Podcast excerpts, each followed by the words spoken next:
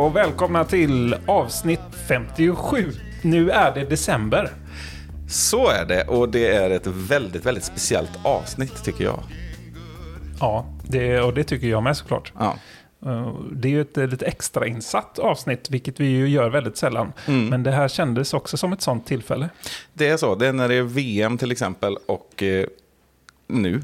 ja, för nu är det ju så att eh, eh, vi, får jag ju säga då, i Ale- Ale-gruppen som vi kallar oss, Ale Disc Golf Centers eh, startup här, eh, släpper ju idag i samband med att det här avsnittet går ut, eh, ny information om, om Ales framtid. Så kan vi säga. Och eh, i det här avsnittet kommer vi exempelvis avslöja när vår ambition är att öppna Ale Disc Golf Center. Mm. Eh, med mera. Hur vi vill få hjälp av er i Disc Golf Sverige och sådär. Så, ehm, så fortsätt lyssna. Förhoppningen är ju liksom att jag som inte är med i den där eh, röran får representera er lyssnare här nu. Och jag, försökt, jag ska försöka ställa ganska skarpa frågor och det som känns som att det är ganska uppenbart att man vill ha svar på. Så får vi se vilka svar som finns. Ja, men precis. Och det är ju spännande för mig också. För jag vet ju faktiskt inte. Nej. Nej. Så det, eh, det här vill ni ju inte missa. Nej. Nej, men det är roligt. Det är Ja. jättekul det här. Ja, och alltså vi kommer ju ha med då, vi har ju i podden är det ju så lyxigt att vi har Simon som är med i detta. Men vi vill ju ha med Erik och Vincent också. Precis. Ska vi göra så att vi ringer upp direkt? Det gör vi. Ja. Då välkomnar vi Erik Mellgren och Vincent Schaffler. Sa jag det, ditt namn bra nu Vincent? Det finns ingen som säger det rätt. Men eh, Schaeffler eh, brukar eh, mamma och pappa säga. Så att, men det är, jag har hört Schaffler, eh, Schaffler, massa olika. Så det var inte långt ifrån. Men eh, Schaeffler brukar jag säga. Schiffler, ja men då, då vet vi det. Då är det ute. Ja, härligt. Så ska vi säga. Erik, dig känner vi ju alla. Du är ju känd från avsnitt 33 av Discgolfpodden. Ja, precis. Och bra uttal på mitt namn också. Ja, det är bra. Eh, Sätter allt idag. Det är fantastiskt. Ja, ja, det här kan inte bli annat än bra. Däremot brukar du säga fel på mitt namn, eh, Erik. Du brukar säga att ibland Terbrant, ibland Tärbrant. Och jag kan säga att det är Tärbrant, inget Det är annat. fe- 50 procent. Jag kör varannan. Det blir rätt någon gång. Ja. Men det här är ju första gången vi hörs, eh, Vincent, du och jag. Och jag tror att du är ett, en ny röst, får vi väl säga, i detta sammanhanget för många ute i Discgolf-Sverige. Det är nog sant, ja. Jag har aldrig varit med i en eh, disc golf podcast i Sverige. Nej, precis. Ja, vi vill ju veta lite mer om dig. Vem är du? Eh, Ja, men jag, jag eh, blev lite biten av frisbeegolf här för ett par år sedan efter jag, min paddelkarriär tog slut med massa olika skador. Så nej, men jag, jag flyttade hit från Kanada för många år sedan. 98 flyttade jag hit efter att ha eh, pluggat i eh, Uppsala. Eh, I 94 jag träffade en, en fin tjej från Kungsbacka och sen eh, Eh, Vi flyttade tillbaka till Kanada för två och ett halvt år och sen så eh, hamnade vi i Sverige och eh, nu 24 år senare så eh, nej, jag trivs jättebra här. Vintern är lite tråkigt eh, men, eh, men eh, det hade gärna varit lite kallare eller blå himmel med, med eh, vit snö på marken. Men eh, annars är jag bara en, en, eh, en kille som gillar att kasta frisbee och eh, älskar att vara utomhus. Eh, jag, gillar community som jag har upplevt nu i två och ett halvt år. Så det har varit en underbart upptäck. Och ja, det, det, är, det är det. Mm. Och du är baserad i Varberg vanligtvis, va? Ja, det stämmer. Eh, vi, hon, min fru är från Kungsbacka så eh, det var inte långt ifrån. Och det, det kunde ha varit lite var som egentligen men eh, Varberg är faktiskt en himla himla fin stad och jag är så glad att det blev Varberg. Så det finns en hel del frisbeegolfbanor runt omkring i Falkenberg och Varberg och Onsala bland annat. Just det. Du har väl varit lite inblandad också i eh, arbetet med Lindberg, den eh, nya storsatsningen i Varberg va? Ja, det stämmer. Jag, eh, jag har mest grovt-arbetare. Det är de andra killarna i styrelsen som, som planerar. Så att jag, jag gillar att vara ute och jobba ute i skogen med motorsåg och trimmer och röjsåg. Och, det, är, det är roligt att eh, bara titta på vad man har gjort efter ett par, två, tre timmar. Så, eh, men det är en himla fin bana. Den är ny och eh, har mycket potential att eh, växa into någonting super, super fin. Mm. Kul. Det låter ju väldigt lovande också att du gillar att vara ute och fixa i skogen med tanke på vad vi ska prata om idag. Ja, eller hur? Exakt. Men eh, ska vi börja här någonstans då med att... Eh, alltså det har ju blivit ett himla ståhej eh, såklart kring att eh, Ale ska öppna igen. Hur, hur har ni liksom upplevt det, ni tre här? För jag, jag kan ju bara ge ett utifrån perspektiv, liksom, men jag gissar att ni har fått eh, väldigt mycket positiv feedback. Eller hur ska man uttrycka det? Ja, men ska du ta den här Erik? Eller? Ja, väldigt mycket. där vi gick ut, eh, det var en kväll vi gick ut med det på Facebook där att vi har tagit över. Eller rättare sagt att Vincent har ju köpt marken och så kommer ju jag, Vincent och Simon ihop och driva bolag på marken. Men det märkte man ju så fort vi släppte det. Det var ju Messenger, det blev helt det blev ohanterbart. det, det var en riktig våg som bara sköljde fram där. Och sen efter har man märkt att många, väldigt mycket olika sorters folk har hört. Sådana som man inte har haft kontakt med innan heller egentligen, som verkligen visar uppskattning över att det blir av. Mm. Så det är väldigt eh, kul, det är nästan lite större reaktion än jag trodde. Många som säger att de inte har upplevt Ale heller. Många som börjar spela kanske hösten 2020. Mm. De, de har inte haft en sommar att de kan åka till Ale i princip. Så det är väldigt mycket nytt folk som har hört talas om Ale, men som inte varit där. Vad, vad, vad betyder Ale för dig, Erik, som, eh, i i ditt discgolfande, om du tittar bakåt? För mig är det ju en samlingspunkt. Alltså det är egentligen den bästa samlingspunkten jag har varit på med svensk discgolf. Man kan ju åka dit och träffa i princip ja, vem som helst. Du träffar Sverigeeliten där, i Willman, Josef Berg och Linus. Och, och sen träffar du goa gubbar i princip som bara hänger utanför och tjötar lite. Sen mitt på rundan så stöter man på Joakim Östling i skogen plötsligt när han går sin träningsrunda. Varje väldigt- gång. Han varvar en varje gång. Ja, Mm. precis. Nej, så väldigt, eh, väldigt mycket positiva minnen härifrån. Såklart. Och det ska bli väldigt kul att få en del av att göra så fler får uppleva dem. Mm. Och att man får forma själva upplevelsen också till ja, hur, man, hur man vill ha det och hur man tror att andra discgolfare vill ha det. Mm. Ja, jag tycker det sätter fingret på någonting väldigt viktigt där. Just det här med att Ale la ju faktiskt ner, alltså i början av, eller ja, åtminstone mitt i den här boomen av discgolf-tillväxt så att säga. Eh, Så att som du är inne på, det måste vara många där ute som, som, som har missat det här. Inte, att, inte vad Ale är, det, det tror jag de flesta känner till, men, eh, men just att eh, faktiskt inte hinna dit, eh, så att säga. Så det, det, det jag har inte riktigt tänkt på det innan, men det har du helt rätt i. Det är lite intressant. Ja, verkligen. Jag kan säga från min sida och Ale, för jag har inte spelat så, så länge egentligen, men jag har spelat ett par gånger i i Eriks tävlingar som har varit där och kanske en eller två gånger utöver det. Men jag visste inte riktigt hur, hur eh, special det var. Eh, tills nu när jag har gått in och, och googlat och eh, eh, tittat på The Open och, och tittat på alla de här storspelarna, eh, eller och eh, Big Germ och Linus. Och det, det är så många highlights och eh, det, jag börjar förstå det nu hur stor eh, Ale är för discgolf i Sverige och eh, himla roligt att vara en del av det. Herregud, så jäkla kul. Ja, jag vet att, att eh, David Stark skrev ju en text här också eh, på discgolfa.se. Och han, han citerar ju mig om att jag hade sagt att det var det bästa som hade hänt eh, discgolfen i Sverige när Ale öppnade. Och jag vill ju lägga till att det var väl kanske det sämsta som har hänt Sverige när, när det lades ner nu tillfälligt. Då. Men det hänger ju mycket ihop liksom med det du är inne på Erik. Eh, just den här samlingsplatsen och det betydde så mycket och ingen bana tror jag har fått så många att börja spela discgolf eller liksom kommit in i det här. Nej.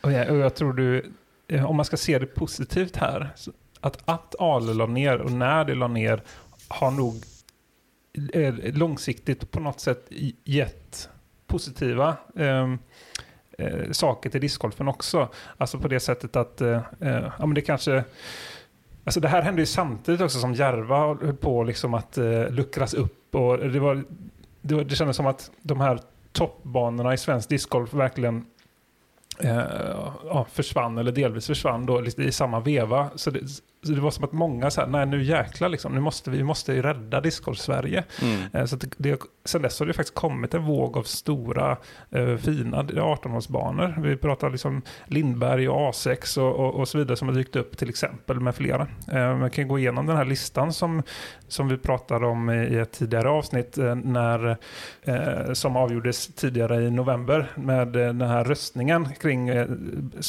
banorna i Sverige som var på discgolf. Eh, vad, nu, vad? Discgolf Sverige. Tack. På Facebook som du har hållit Erik. Och det, det är ju flera nya där. Hävla bruk till exempel också en sån. Eh, Så det kan nog delvis ha varit en anledning till eh, att utvecklingen kanske snabbare har gått framåt. Ja, det har ju liksom funnits ett enormt vakuum eh, som Ale lämnar efter sig. Det var ju enorma volymer, ska man inte säga om människor, men och, och, stora volymer discgolfande som, som skulle ta vägen någonstans såklart. Alltså, det är inte, folk har ju inte slutat kasta bara för att Ale försvann. Eh, Så det är ju andra ställen som får ta över det. Precis. Men om jag ställer frågan till, till dig eh, Vincent här.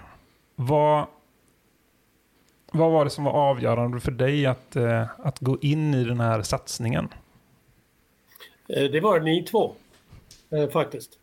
Jag, eller jag kände Erik innan och jag vet att han är en stor profil inom discgolf i Sverige. Jag har en oerhört stor respekt för honom och han har väldigt mycket respekt för dig.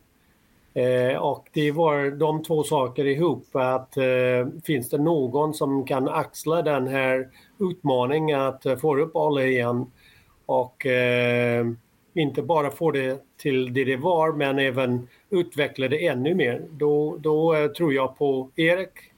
Eh, och nu har jag lärt känna dig nu över den senaste tiden också och Ehm, det är en stor ansvar för, för alla discgolfer i Sverige och även utomlands men det är ni två som har, har, har um, gjort att det känns uh, värt att, att satsa på. Uh, marken är helt underbart. uh, så jag skulle kunna bara, bara gå runt och runt och runt men att, att ni kommer att lyfta den och driva den och få den att fungera som ytterligare en gång en, en av världens absolut finaste banor där vi har massor med möjligheter för nya discgolfare, stora tävlingar och eh, det, är, det är så himla kul att, eh, att se fram emot det för det kommer att hända. Det vet jag.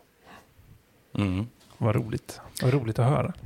Jag tänker, här, här blir det ett bra avstamp att kanske kasta sig in i att jag får ställa lite frågor som eh, jag misstänker att hela Sverige väntar på. Ja, absolut. Ska, ska vi börja där?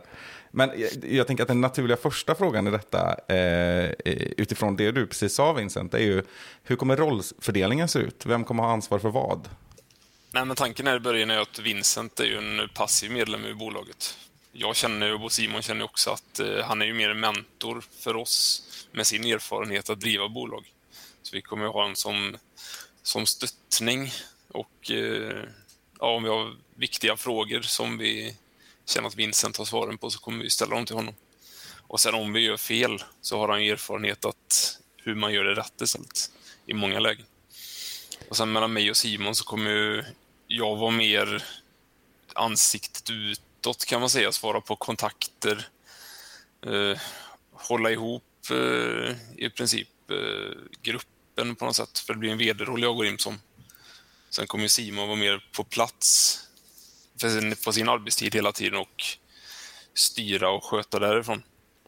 Så jag tror ändå att jag och Simon har rätt bra samarbete från ja, från i dels Steg Events och sen har vi kommit väldigt nära varandra som kompisar nu senast som jag tycker. Så det, det känns som rollerna är, de kommer vara flytande också, men vi har ändå en grund att landa tillbaka på rätt snabbt här. Ja, men exakt. Men man kan ju kortfattat säga att eh, Erik kommer att ha en lite mer administrativ roll än, än, än jag. Men samtidigt så kommer vi sträva för att vi ska kunna växeldra i stort sett alla positioner. Eh, Mm. eh, Så att säga då. Men, eh, men att jag liksom har lite mer driftansvarig på plats och, och Erik lite mera från det administrativa hållet kan man väl säga. En grundfördelning. Ja. Det får ge sig lite med tiden också kan jag tänka mig. Ja, den stora frågan, den som alla sitter och väntar på tror jag, att få svar på. Det är ju, när öppnar Ale? Finns det något svar? Nej, det är väldigt svårt att säga just nu när banan kan öppnas egentligen. För det är väldigt mycket att göra och vi vill ju öppna den när den matchar sitt nuvarande betyg i Judisk, så att säga. Det ska inte vara en sämre upplevelse att komma till, utan den ska vara, det ska vara en bra upplevelse att komma till direkt. Banan ska vara färdig. Det blir lättare för oss att jobba utan folk på banan också, för att färdigställa den. Så vi kommer att hitta ett grundskick först. Och just det grundskicket, hur snabbt vi når det, beror ju på hur lyckad våran eh, kommande Kickstarter är som öppnar nu. Hur den kommer att vara. En stor del i det. Men förhoppningsvis kommer vi öppna gula banan gissningsvis under mars någon gång. Och sen att den vita banan öppnas i samband med invigning 1 april. är våra grundtankar. Sen får man ju se hur väl kickstarten faller ut och hur väl allihopa andra bitar faller ut. Mm.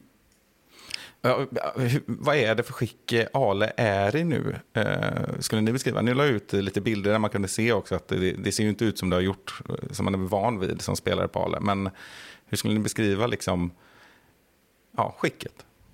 Nej, men det är ju som en gammal kropp som inte har duschat på länge. Det har vuxit hår lite här och där på fel ställen som behöver tas bort och det är naglar som behöver klippas. Det är ju, nej, men på två år händer ju mycket. Det är ju, vissa tior ser ju bra ut. Liksom på, på armbågen växer inget hår, men lyfter man på armen och kollar armhålan, det är fruktansvärt mycket hår där. Alltså det, så vi kollar ju på vit eh, 10 på hål 15. Alltså konstgräset hade ju blivit fullständigt eh, uppätet utav gräset som kommer underifrån i princip. Och träramen syntes ju starkt runt också, eller av halva sidan i alla fall. Så det hit behöver ingrepp. Vi har inte kollat på så många tior än vi ska gå en säkerhetsrond här nu till helgen som kommer. Och så är skalet helt tomt också. Vi, vi har ju ingenting utan vi kommer till ett tomt skal där allting behöver köpas till. Och bara hitta rätt grejer vid inköpen, det är ju inte en timmas jobb där utan det är ju flera veckor, kanske några månaders tid att hitta rätt grejer och hitta dem i rätt tider också. Det är, så det är mycket att hitta strukturen också kring allting och spara tid så att säga. Men det kommer ju vara vissa tankevurper man gör och det kommer ju vara några felbeslut på vägen med. Mm. Men jag tänker också, eh, som jag förstår det, eh, vad ingick i köpet? Det är egentligen marken och såklart då, alltså korgar och, och det som fanns där och byggnaderna kopplade till banan och sådär. Men det är rätt mycket maskiner och sånt som kanske behöver komma till. Mm, jo, det är helt tomt på det. Ja. Och en Mm. åkgräsklippare kostar väl ungefär som en ny bil om man ska köpa det nytt.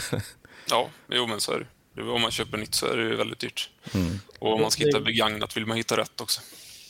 Det finns eh, egentligen ingenting kvar. Det är lite reservdelar för några skrutade eh, motorsåg i en gammal skåp.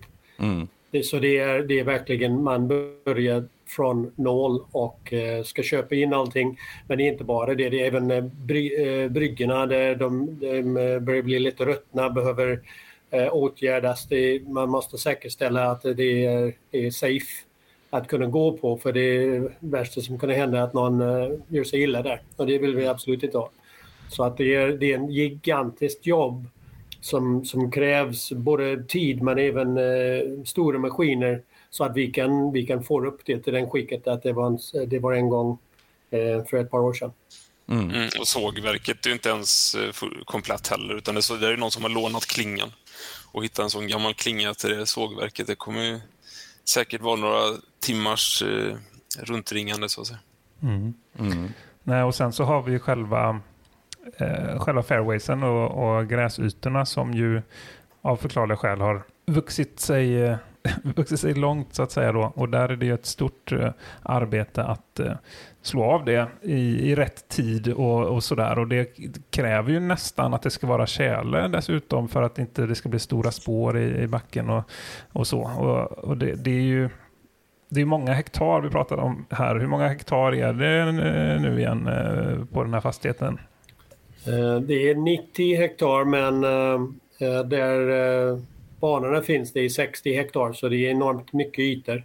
Ehm, men det är, jag, jag tittade på eh, The Open ganska mycket nyss från 2018 och tittade på alla fairways då och det, är, det är inte mycket gräs eller så eh, då. Men nu är det gott, det är fyra år eller kanske det blir det femte sommar egentligen efter, efter The Open.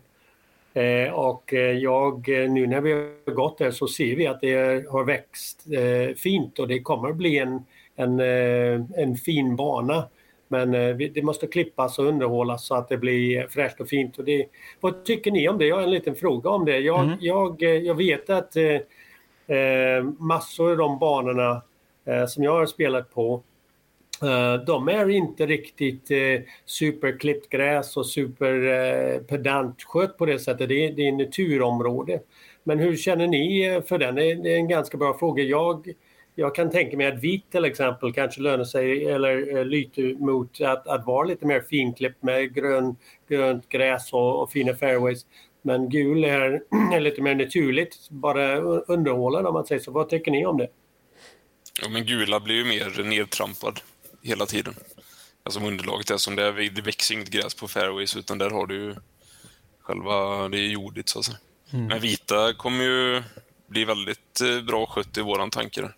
Mm. Att det ska vara väldigt bra så fort vi får bort de här små vildsvinen som tycker att det är riktigt gött med nyklippta fairways. Mm. Så blir det bra. Nej men och så tänker jag också, alltså back in the... Vad var det du sa Simon? Back in the day, way back to istiden. Way back to istiden. Nej men eh, när Ale fanns så såg man ju också en utveckling varje år och sådär. Och man, varje vår så blir man chockad när vita banan öppnar igen. För det hade hänt så mycket bara för att den fick vila och sådär. Jag tänker att man har alltid längtat efter eh, gräset som ska finnas på fairway på håll 3, 4 och 6 till exempel på Alevit. då. Eh, sen på gula har jag inte riktigt reflekterat över det på samma sätt. Att det skulle finnas en gräsfairway på gul 9. Eh, det har jag inte riktigt eh, det. förväntat mig. Ja, det är väl typ hål 14 där till exempel som man vill ha lite gräs. Ja. Och, och det är det ju. Men, eh, nej, och, och det ser jag också fram emot att se liksom hur det har utvecklat sig. Det är svårt att se förrän det faktiskt man, man drar ner det som är och låter det växa Mm. upp till våren här. Och, och det blir ju väldigt spännande liksom att vänta, vänta in det. Mm. Eh, helt klart så. Ehm, nej, och sen så håller jag med om att, eh, att ha snygga fairways på vita, men också låta ruffen växa upp lite så att det blir lite, lite olika typer av höjd på gräset hade jag tyckt var snyggt och även, jag brukar peka på, bra för den biologiska mångfalden och annat och det ska man inte förakta. Ehm, så, nej, så det här blir ett eh, jättespännande eh, projekt. Men jag tror både jag, Vincent och Erik här också är ganska nyfikna på att höra vad, vad ALA har betytt för dig, Rickard, som, som nu inte är lika insyltad i, i själva den här uppstarten och hur du har känt när du har fått den här nyheten och sådär. Om du representerar både dig själv och Discgolf Sverige här.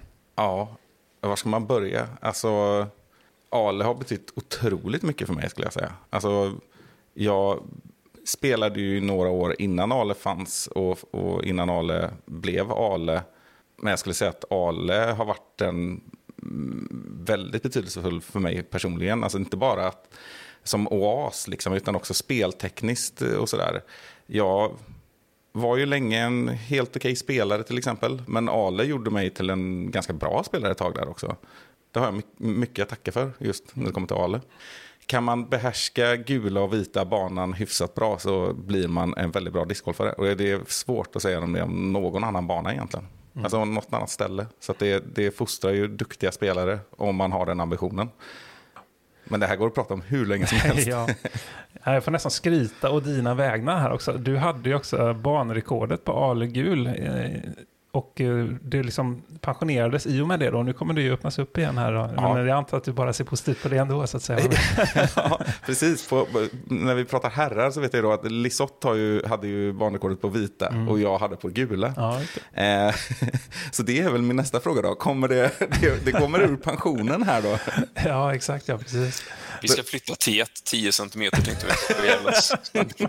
Så att du blir av med det direkt. Ja, fast då är det ju också på något sätt förevigat. Så att det är ju lite, vad, vad vill man egentligen? Jag har inte hunnit eh, fundera över det riktigt. Men Precis.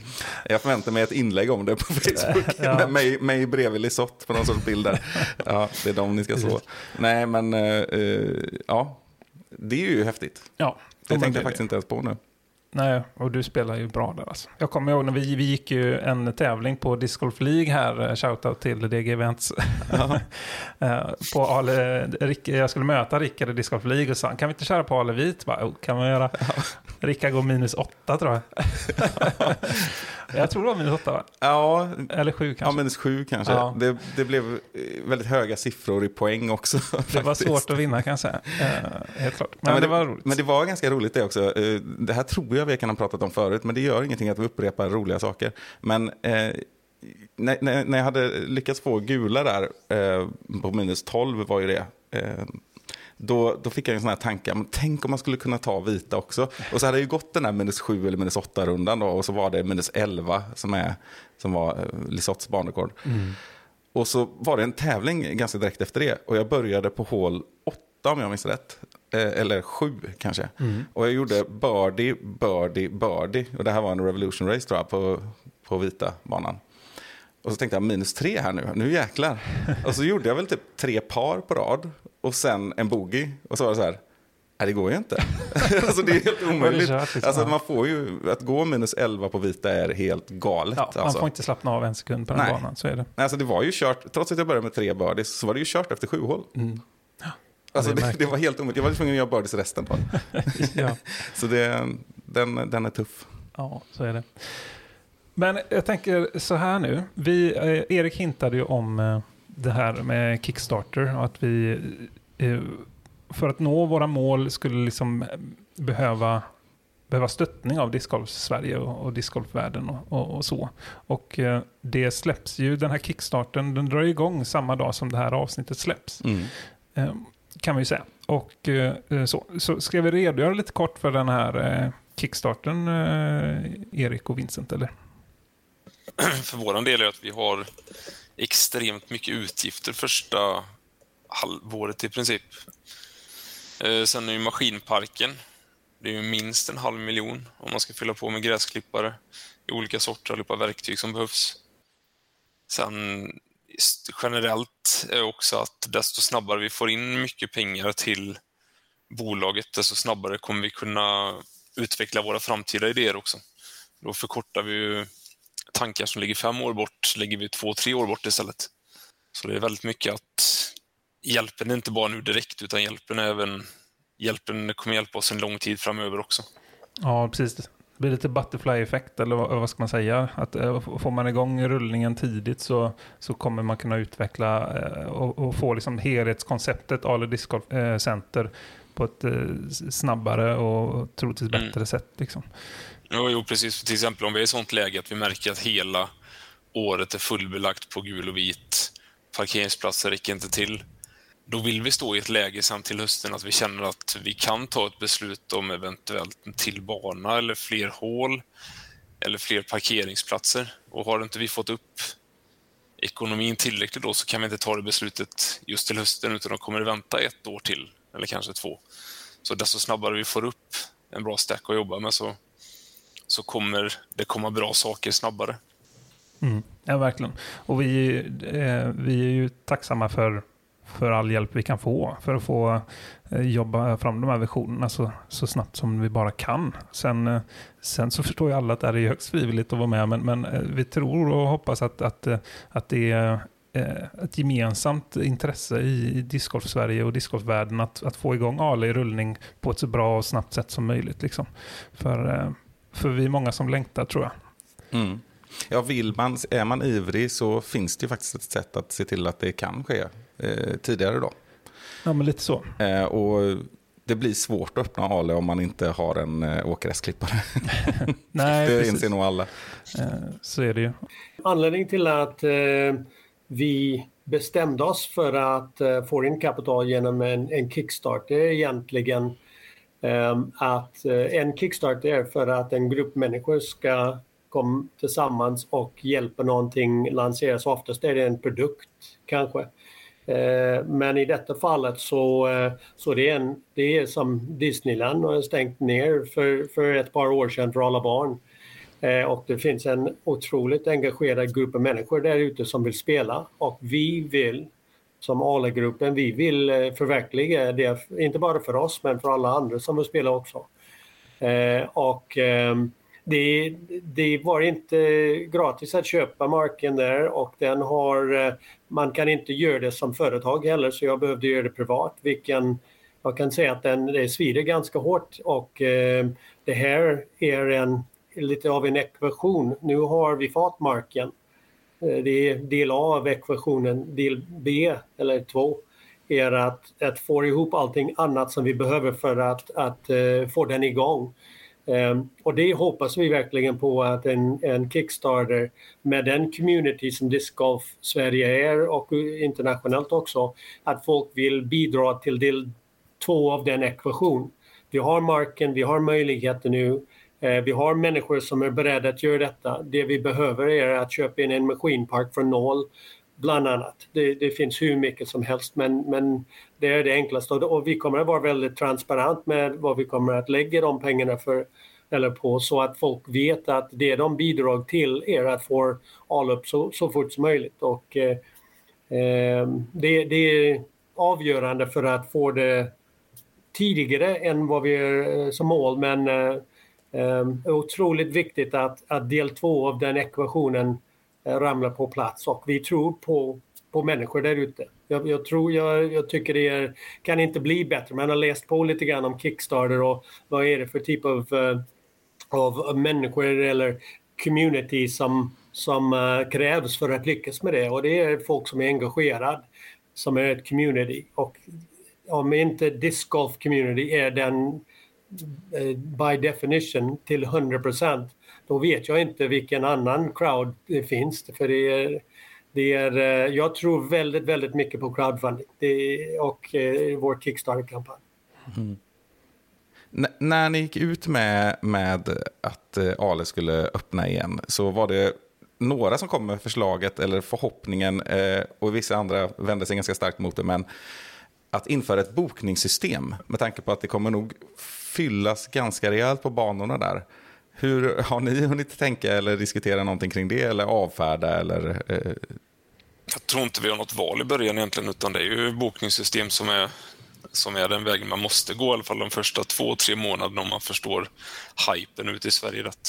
Det, det är en sak i Slottsskogen i Göteborg, då kanske folk bor nära, åker dit och så är det mycket kö. Men nu snackar vi om Aler och kanske folk åker 20-30 minuter, om inte mer, då, för att åka dit. Och kommer man dit och det är kö på 30-40 minuter innan man kan gå ut och sen går rundan långsamt, då blir det ingen kvalitet i det heller. Utan det, det är nog enda vägen att gå här i början och känna av läget och kolla hur det är. Mm. Mm. Ja, men det är min eh, reflektion över det också. att eh, Framförallt i början när det kommer troligtvis då vara eh, en, en hype kring det då. Får man ju ändå tro att, eh, att det inte ska bli kaos som Erik säger. Men mm. sen så betyder inte det här att det kommer vara 100% bokningssystem på Ale framöver. För det, det kommer vi behöva att testa oss fram till och se vad som funkar. Um, så. Men uh, så både ja och nej får vi svara där. Mm. Jag tror det viktigaste är att vi, vi alltid eh, uppmanar folk att gå ut på vår hemsida. Mm.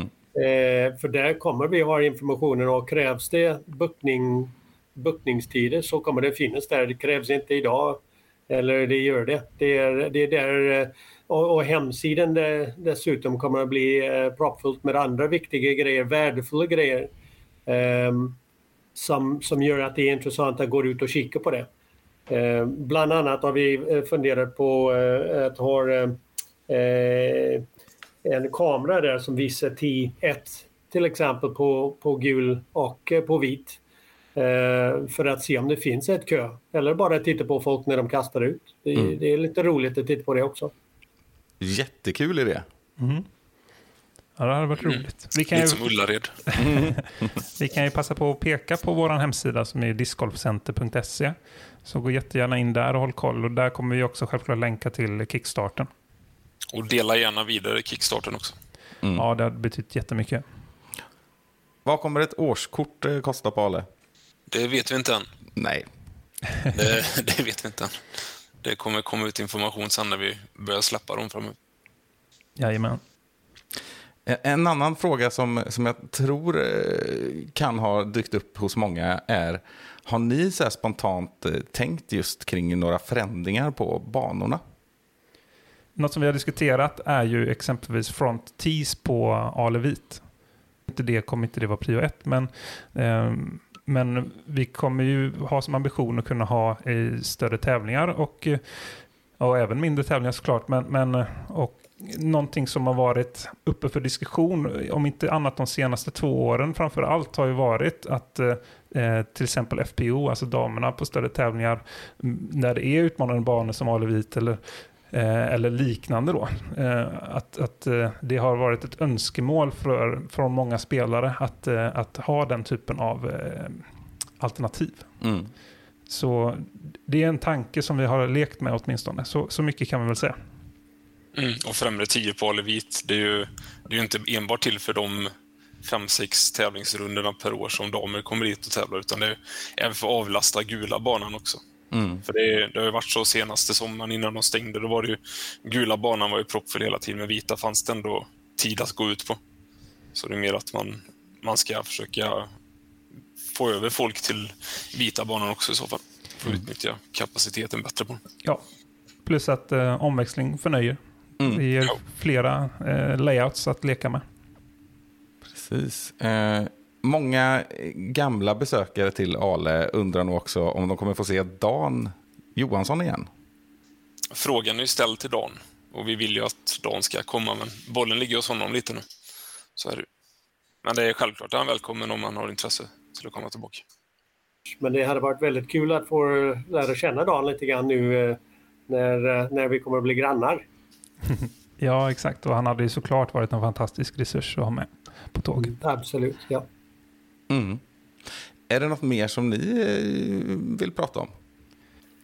Vi kan också börja med att tacka med det, för den liksom responsen och den, eh, det intresset och det engagemanget som vi redan har fått på vägen eh, dit vi är nu. Vi har haft en tävling med att designa diskar till exempel. Och, och det har, eh, eh vi har också fått god respons med liksom allmänna samarbeten som vi har skickat ut lite trådar kring. Där folk har fått höra av sig och vad de kan bidra med. I, eh, det kan vara allt mellan himmel och jord egentligen. Eh, allt från eh, bara timmar och, och ställa upp på banan eller att de har något verktyg eller något, någon maskin eller vad det nu kan vara eller bo, bo granne och, och, och liksom vill ställa upp vid tillfälle och sådär. Och det är jättetack till alla som har visat det intresset och, och, och eh, om det finns fler där ute som vill vara engagerade i Ale på ett eller annat vis så är det bara hör av er till mig, Vincent eller Erik eller allra bäst kanske skicka skicka mejl till eh, info.discgolfcenter.se. Det är, det är jättebra att, eh, att Jag höra kan av säga att eh, en sak som jag, nu när vi har hjälpt eh, att bygga Lindberg i Varberg nu. Det finns en grupp ambassadörer där. Det är en, kanske en 6, 7, 8 personer som är där hela tiden och ger sin tid och energi och vissa är snickare, vissa är bara handyman. Det, det vad, men men eh, det är så viktigt att ha ambassadörer som kommer ut och hjälper till och eh, trivs lika väl ute i skogen och bara jobba och bygga en bro eller reparera en T-pad eller vad det nu är. Eh, och det, det gör att man, man kan lyfta både alla men jag misstänker att det finns eh, massor med liknande människor i andra eh, discgolfbanor eh, över hela Sverige som gör detta och, och det behöver vi i, i Ale definitivt. Men det betyder så otroligt mycket att, att få folk som är engagerade komma ut och hjälper till. Mm. Verkligen. Och jag tror att det är många där ute också som, som hade velat, eh, velat vara med och hade kunnat eh, känna en stolthet och kunna säga att jag har bidragit till att Ale kan liksom bli verklighet igen. Mm. Det- Och det, ja, det kan jag ju känna också, eh, även om jag sitter på, på den här stolen, liksom, eller oavsett. Att bara kunna eh, ha något finger med i Ale på något sätt, det, eh, det, sen att, att, att för mig är det båda händerna så säga, det är en annan sak, men det, det känns fantastiskt kul att vara en del av Ale-processen och jag, tror och hoppas att jag delar den med många. Mm. Det tror jag nog också. Kommer det vara någon förening som är kopplad till eh, Ale Disc Golf Center? Vi kommer ha en förening som heter Ale Discgolfklubb. Eh, Hur den startas vet vi inte än, men det kommer finnas. För vi vill att Ale Discgolf Center ska... Ja, vi ska, vi ska synas mer i föreningslivet i Sverige framför allt. Att eh, det ska finnas en klubb på plats och att det blir en bra gemenskap. Vi har, eh, vi har massa stora ytor som vi kan bedriva träningar på. Det ska vara träningar mot breddgrupper, mot juniorer, mot damer. Det ska inte vara att har man en träning så ska man, den träningen ska inte bestå av en rundare för skår i king utan en träning, det är inte att tävla. En träning, då har du ett pass. Du lär dig någonting. Du lär dig forehand, du lär dig backhand, du lär dig precision. Du lär dig, du lär dig heiser, du lär dig enheiser. Alltså det är psyket, det mentala. Alltså det är mycket som spelar in i discgolf. Som står du och tränar ett visst moment i en halvtimme, det är som att gå tre, fyra runder i princip. Så det är ju mycket det vi vill få till. Att vara en förening som bedriver föreningsverksamhet. Fast vi kommer inte själva vara i förening, utan vi kommer ha lite krav på vissa grejer som på föreningen som är kopplad till Ale Disco Center. Ja, vi kommer troligtvis vara i föreningen, men kanske inte vara de drivande. Mm. Ja, nej, precis. Vi kommer, vi kommer inte peka på någonting, utan det ska ändå vara en, en bra, eller bra ja, samarbete mellan förening och bana. Symbios. En symbios heter det. Eh, är det några stora eh, tävlingar eller events på gång som man kan se fram emot 2023 redan? Ja, men det släpptes ju nu i dagarna här att eh, vi kommer ha SM på Ale första helgen i augusti. Så då kommer vi ha öppet både, eller ha både gula och vita banan för deltagarna. Så det känns väldigt bra att få ett SM redan 2023. Och sen en månad därefter så kommer även eh, Swedish Amateur Championship, amatör-SM, att hållas. Både på Ale Gul, Ale Vit och Östbastorp. Och min förhoppning, förhoppning är att det blir Sveriges största tävling någonsin sett till antal deltagare. För det kommer vara minst 288 platser tillgängliga dit. Så det, ska man tävla i en tävling i år och man är amatör, då tycker jag att man ska åka till Uspastorp och Ale i mitten på september. Och ha det gött. Spännande. Är det något mer som ni vill eh, meddela här innan vi knyter ihop säcken? Ja, just med tanke på kickstarten där så kommer vi ha eh, limited runs på lite diskar. Som kommer gå till de som är med och skänker pengar och hjälper oss att nå våra visioner med banan lite snabbare. Så går man in på vår Kickstarter-kampanj så ser man de olika nivåerna, vad som gäller. Och det är flera andra intressanta paket också så sett på, som man når på vissa olika, på olika nivåer. Så det kan vara intressant läsning även fast man inte har tänkt att skänka pengar. Utan då kanske man känner, fan, jag har en kompis här, han, han har nog tyckt att det här var intressant. Så tipsar man det vidare istället. Ja, exakt. Och det är något som jag eh, är taggad på är att vi har en förhoppning om att, det beror på hur det går med de olika nivåerna och sådär, men en förhoppning om att kunna ha någon slags pre- pre-release-tävling eller VIP-pass, eller vad vi nu kallar det för. Nu vet vi inte vad vi kallar det för. Nej, men Men- att, eh, det skulle kunna vara så att man får vara en, en, utav, eh, en väldigt exklusiv skara som får testa Ale före alla andra. Precis så. Mm. En, en tävling innan invigningen. Mm. Så det kan vi trycka lite på att är ni sugna på det så får ni gå in och kika här också. Mm. Så antingen Ale Disco Centers Kickstarter eller Chiquita man ska göra sig till om man ska boka banan. Ja. Helt enkelt. Lägre än herregud. Ja, det känns som att vi kanske ska runda av för den här gången då. Men eh, det kan ju också hända att vi kommer prata om Ale framöver i podden. Har jag en känsla av. Ja, det- Nej, ni får det här skottet. Ni får ingen chans. censur, censur. Ja, precis. Nej, men eh, vad roligt att eh, få prata med... Jag pratar väldigt mycket med Vincent och Erik och jag pratar väldigt mycket med Rickard, men det var väldigt kul att ha alla tre. Det blir som min lilla discgolffamilj här i samlad i ett på något sätt och det är jag väldigt tacksam över att få dela med er, eh, mig av er till eh, Discgolf Sverige där ute. Så det är jättekul att eh, ni ville vara med här. Jag har en känsla av att vi kommer ses och höras ganska mycket framöver. Ja, jag, får, jag tycker synd om de som inte ser det här gruppet, alltså rent Google Meet-samtalet. Det ser ut som en brittisk adelsman längst till vänster, sen två stycken slo slovenska surfare som hänger där också. Ja, du, ska, du ska se mina passbilder. Ja, gud. Jag gissar att Vincent är den brittiska adelsmannen. Ja, nej, nej, nej, det är Var det, var det jag? Har du selat på surfarna eller? Skitsmula. Ja, även härligt. Det är bra. Men eh, ska vi då återigen eh, tacka och så säger vi på återseende, på återhörande. Definitivt så. Tack så jättemycket för att jag fick eh, prata med er. Tack för idag. Tack så mycket. Vi ses på Ale.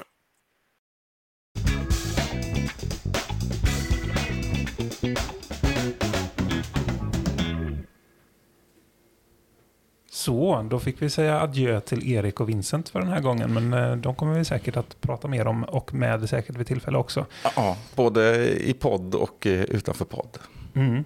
Ja, jag hade till exempel tyckt det var intressant att prata med Vincent vid tillfälle om allmänt entreprenörskap och sådär. Jag vet inte om det är liksom, men det går säkert att applicera på något sätt. i Ja, det liksom. tror jag nog. sammanhang. Definitivt. Ehm, och så. Men det var kul. eh, Det var kul att ni fick träffas lite grann som Ja. inte har pratats vid innan. Ja, men precis. Nej, och det är ju en eh, snubbe man gärna vill prata med. Ja, men han har mycket, mycket kunskap och annat. Mm. Så eh, en bra snubbe. Nej, men fantastiskt roligt. Vi hoppas att det, det känns för er lyssnare också som att det, det klarnar lite grann. Ja, men det tror jag ju. Och det är ju det som det här datumet lite har varit till för. Mm. eh, generellt. Och, och då slår vi på stora trumman och går ut liksom med, med mycket på en gång här. Mm. Så, och det är lite det som är tanken då. Så att, eh, så att ni eh, kommer på banan så att säga. Ja, och så tror ju vi också att det får ju finnas en förståelse för att det finns helt enkelt inte svar på allt. Nej, nej, utan det blir ju successiv eh, process det här såklart. Men eh, ni får ju mycket mer svar idag än ni har fått tidigare åtminstone. Mm. Härligt. Ska vi eh, nöja oss även eh, bara vi? Ja, jag tror det. Vi kan ju passa på att påminna om våra samarbete med Smellwell som eh, löper vidare här fram till jul. Mm. Så om ni inte har gått in och, och införskaffat er några checka produkter där så gör gärna det med eh, koden Discgolfpodden. Och eh, då är det ju då smellwell.com som gäller. Och du blir påmind varje gång du känner dina äckliga skor i hallen till exempel. Så det borde ju vara lätt att komma ihåg. ja, exakt. Precis. Så nej, då stöttar ni, eh, stöttar ni podden också och det är vi jättetacksamma för. Och samtidigt så är det en väldigt bra grej till julklappsspelet till exempel. Mm. Ja, herregud. Så, Kanon. Ja, faktiskt. På många sätt. Det är, det är unisex så att det skriker om det. Ja, verkligen. Alla, eh, vi, vi är må, olika på många sätt, eh, vi människor, men fötterna stinker. ja, exakt. Och vi har ju pratat lite mer om den här produkten i ett tidigare avsnitt. Men, Ja. eh, men en påminnelse är en påminnelse. Ja. Eh, Så är det. Nej men så bra. Jag hoppas att eh, ni luktar gott där ute framöver.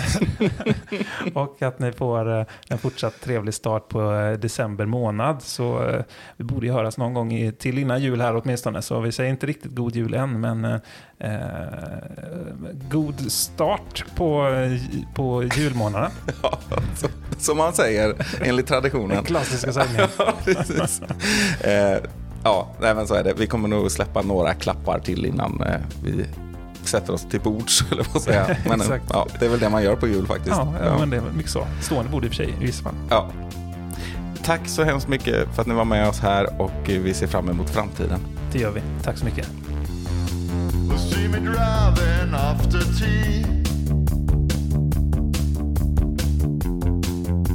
Weather's looking good.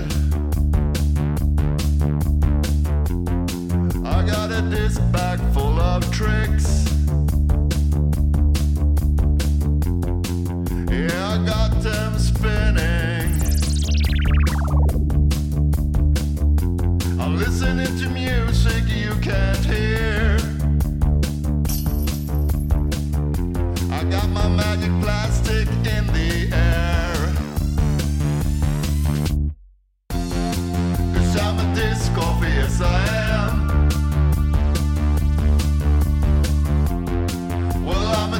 A disc golfer, yes I am. Cause I'm a disc golfer, yes I am. Well, I'm a disc golfer, yes I am. You see me driving after tea.